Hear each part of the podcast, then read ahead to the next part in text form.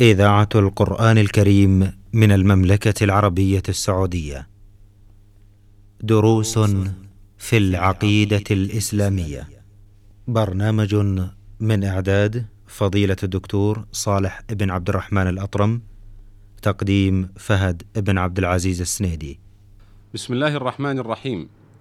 الحمد لله رب العالمين والصلاة والسلام على أشرف الأنبياء والمرسلين نبينا محمد وعلى آله وصحبه أجمعين. إخوتنا المستمعين الكرام السلام عليكم ورحمة الله وبركاته وأسعد الله أوقاتكم بكل خير. وأهلا ومرحبا بكم إلى حلقة جديدة ضمن برنامجكم دروس في العقيدة الإسلامية. مع مطلع هذا اللقاء أرحب بفضيلة الشيخ صالح بن عبد الرحمن الأطرم فأهلا ومرحبا بكم يا شيخ صالح. حياكم الله وبارك الله بالجميع. حياكم الله. لا زلنا نتحدث ضمن حديث سهل بن سعد رضي الله تعالى عنه الذي بدأنا الحديث عنه في الحلقة الماضية وفي الدرس السابق حيث قال المؤلف رحمه الله تعالى ولهما أي البخاري ومسلم عن سهل بن سعد رضي الله تعالى عنه أن رسول الله صلى الله عليه وآله وسلم قال يوم خيبر لأعطين الراية غدا رجلا يحب الله ورسوله ويحبه الله ورسوله. يفتح الله على يديه فبات الناس يدوكون ليلتهم أيهم يعطاها؟ فلما أصبحوا غدوا على رسول الله صلى الله عليه وآله وسلم كلهم يرجو أن يعطاها. فقال أين علي بن أبي طالب؟ فقيل هو يشتكي عينيه. فأرسلوا إليه فأتي به فبصق في عينيه ودعا له فبرأ. كأن لم يكن به وجع فأعطاه الراية فقال انفذ على رسلك حتى تنزل بساحتهم ثم ادعهم إلى الإسلام. وأخبرهم بما يجب عليهم من حق الله تعالى فيه فوالله لأن يهدي الله بك رجلا واحدا خير لك أو قال رجلا واحدا خير لك من حمر النعم. وقوله يدوكون كما فصلنا في الحلقة الماضية أي يخوضون. بودنا فضيلة الشيخ أن نستكمل الحديث حول هذا الحديث, الحديث المبارك العظيم ولعلنا نبتدئ بقضية لعل لها مساس عظيم بالعقيدة ألا وهي قوله صلى الله عليه وآله وسلم لعلي في توجيهه إياه أنفذ على رسلك حتى تنزل بساحتهم ثم ادعهم إلى الإسلام وأخبرهم بما يجب عليهم من حق الله تعالى فيه. نعم. بسم الله الرحمن الرحيم الحمد لله والصلاة والسلام على رسول الله وعلى آله وصحبه ومن اهتدى بهداه اللهم صل وسلم قوله عليه الصلاة والسلام أنفذ على رسلك هذا من أوضح الفوائد فيه الطمأنينة عند القتال وعدم العجلة والطيش. في قوله انفذ على رسلك. وقوله حتى تنزل بساحتهم أي حتى تدنو منهم. وتتمكن من دعوتهم أولا. وفي هذا دليل في قوله ثم ادعهم الإسلام في هذا دليل على البدء بالدعوة. وهذا ما تقتضيه العقيدة. لأن ليس المقصود أن أن أن يقتلهم. نعم. وإنما المقصود أن يدخلوا في الإسلام. الله أكبر. وأن يشهدوا أن لا إله إلا الله وأن محمد رسول هذه هي العقيدة الصحيحة. فالقتال بعدما يمتنعون. بعد الامتناع وبعد الإيذاء. فلهذا قال عليه الصلاة والسلام انفذ على رسلك وفي قوله على رسلك في دليل كما تقدمت الإشارة إليه أن الطيش والعجلة مذمومة وأن التباطؤ أيضا قد يفوت المقصود قد يفوت المقصود. فلهذا وصف له الرسول عليه الصلاة والسلام طريقة أو كيف يسير لهم. انفذ على رسلك. وواصل هذا النفوذ حتى تنزل بساحتهم يعني حتى تقرب منهم وحتى تم- تتمكن نعم. من دع من من من دعوتهم. هذا معنى النزول بساحتهم. نعم. حتى تنزل بساحتهم. ثم بعد ذلك ادعهم أي قبل أن تشرع في قتالهم. فبهذا دليل واضح توجبه العقيدة الإسلامية توجبه عقيدة التوحيد على أن الداعية يبدأ بالمقصود هو الدعوة إلى التوحيد. نعم. وليس المقصود أن يشرع في قتالهم أو المقصود سبي أموالهم أو استرقاق نسائهم. لا ليس الأمر كذلك. ثم ادعوهم إلى الإسلام. نعم. والإسلام المراد هنا هو لا إله إلا الله محمد رسول الله.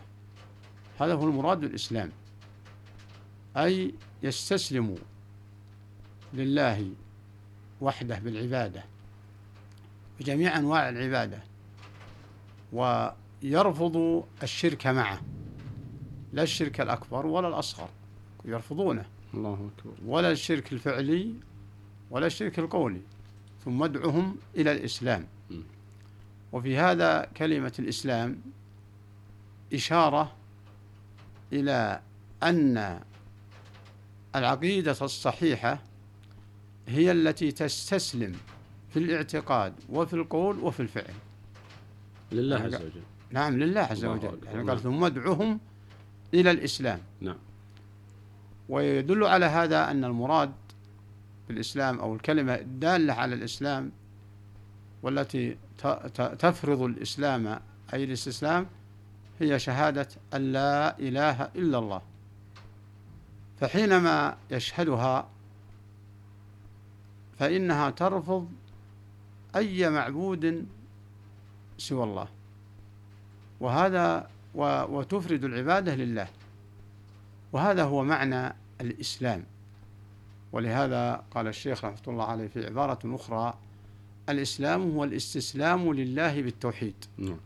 والانقياد له بالطاعة. والخلوص من الشرك وآله. فيا لها من عبارة ما أعظمها وأجمعها. نعم. الاستسلام لله في التوحيد والخلوص من الشرك من الشرك. فدل على أن من قال لا إله إلا الله وعنده شرك فإنه لم يستسلم. استسلم بالقول ولم يستسلم بالفعل وفي الاعتقاد. والخلوص من. الإسلام له بالتوحيد والانقياد له بالطاعة. فما دام نطق بلا إله إلا الله معناه استسلم. لزمه أن يستسلم في جميع الطاعات في الأوامر يفعلها والمنهيات يجتنبها. هذه هو العقيدة الصحيحة وهي التي تلزم من من قال أسلمت أو من استسلم للإسلام ثم ادعوهم إلى الإسلام. فهي تقضي على من قال لا إله إلا الله تقضي عليه التسليم في القول والاعتقاد والفعل والفعل في ترك المحرمات والمكروهات وفي فعل الواجبات والمستحبات. نعم. ثم ادعوهم إلى الإسلام. ف ثم وبعدها قال أخبرهم بما يجب عليهم من حق الله إذا- إذا استسلموا نعم. وجاءوا بشعار الاستسلام لا إله إلا الله بعد ذلك للإسلام واجبات تبين الصادق من الكاذب. نعم. وتبين وتبين المحق من الباطل. وهو سائر الواجبات. يف- يفعلها من قال لا إله إلا الله خالصا من قلبه. وترك المحرمات يتركها من قال لا إله إلا الله خالصا من قلبه. لأن لا إله رفض لل- للمحرم. إلا الله إثبات ال- الالتزام ال- الالتزام لأداء ما أوجب الله علي عليك أيها الإنسان فما أعظمها كلمات جامعة نعم ثم ادعوهم إلى الإسلام نعم أه لعلكم فضيلة الشيخ أيضا تشيرون إلى أن هذا دليل على أن الأعمال من الإيمان خلافا لما يعتقده. الأشاعرة وغيرهم لأن نعم. النبي عليه الصلاة والسلام قال أخبرهم بما يجب عليهم من حق الله تعالى فيه لا نعم. يكفي مجرد نعم النطق. من الإيمان ومن الإسلام الصحيح الله أكبر. أما مجرد النطق نعم. أو مجرد الاعتقاد دون عمل وطول النطق كل نعم. هذا لا ينفع. نعم.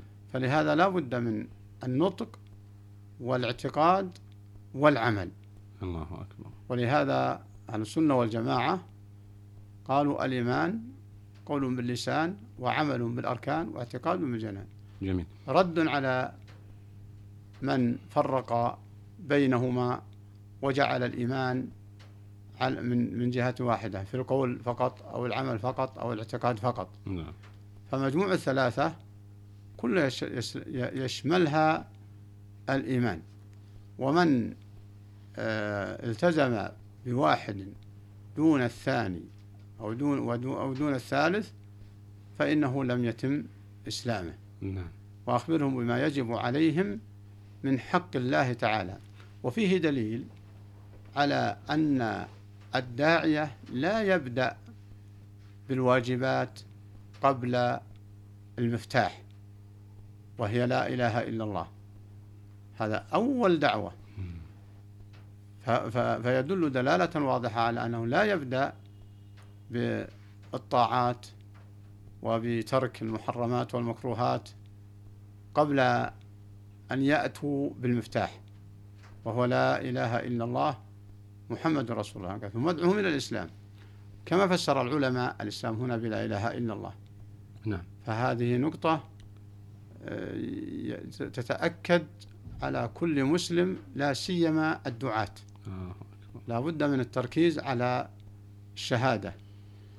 ومن نطق بها عارفا معناها فسيستسلم لما توجبه من حقوق الإسلام. وترك ما حرم فإن الترك ملازم. نعم. فلو قام بالواجبات ولم يترك المحرمات فإنه ناقص. ناقص. إن لم يكن غير مسلم فلو فعل المحرم معتقدا جوازه فهذا نستجيب الله أعوذ بالله. هذا معناه شرك نفسه. نسأل الله. شرك نفسه مع الله في التشريع. نعم. فضل الشيخ أيضا نعم. آه، لعلنا نعود إلى حديث في الصحيحين كما هو حديث سهل رضي الله عنه في قوله عليه الصلاة والسلام أخبرهم بما يجب عليهم من حق الله تعالى فيه هذا يذكرنا بحديث لأبي هريرة رضي الله تعالى عنه نعم. وأظنه في الصحيحين أيضا آه، في قول الله في قول النبي عليه الصلاة والسلام فإذا فعلوا ذلك فقد عصموا مني دماءهم وأموالهم إلا بحقها هنا قوله بحقها وهنا أخبرهم بحق الله تعالى. لذلك لما قال أبو بكر أو قال عمر لأبي بكر رضي الله تعالى عنه في قتاله لأهل الردة كيف تقاتل من يشهد أن لا إله إلا الله وأن محمد رسول الله؟ والنبي عليه الصلاة والسلام يقول أمرت أن أقاتل الناس حتى يقولوا لا إله إلا الله فإذا قالوها عصموا مني دماءهم وأموالهم آه، إلا بحقها. فرد عليه أبو بكر بفهمه لهذا الحديث فهما عظيما جدا. قال رضي الله عنه فإن الزكاة حق المال. والله لو منعوني عقالا كانوا يؤدونه إلى رسول الله صلى الله عليه وآله وسلم لقاتلتهم على منعها هذا إشارة إلى الخصلة التي منعها نعم. المرتدون. نعم. وإلا فحقها يشمل أيضا الصلاة ويشمل بلا الزكاة شك بلا شك. ويشمل الصيام. كل الأعمال ال- و... نعم. و... ويشمل اعتقاد تحريم المحرمات. الله أكبر. وت... وتحليل الحلال. و... والواجبات كله من حقها. فلو فلو أنكر آه، آه، أحد الواجبات مم. مما اتفق على وجوبه آه، ف وثبت وجوب الكتاب والسنة هذا كفر. عبارة ما جاء بحقها. فالمقصود إن إن نقول إلا بحقها هذا من الألفاظ العامة. الله أكبر. الشاملة نعم. التي تدل على أن لا إله إلا الله قول وعمل. تتطلب.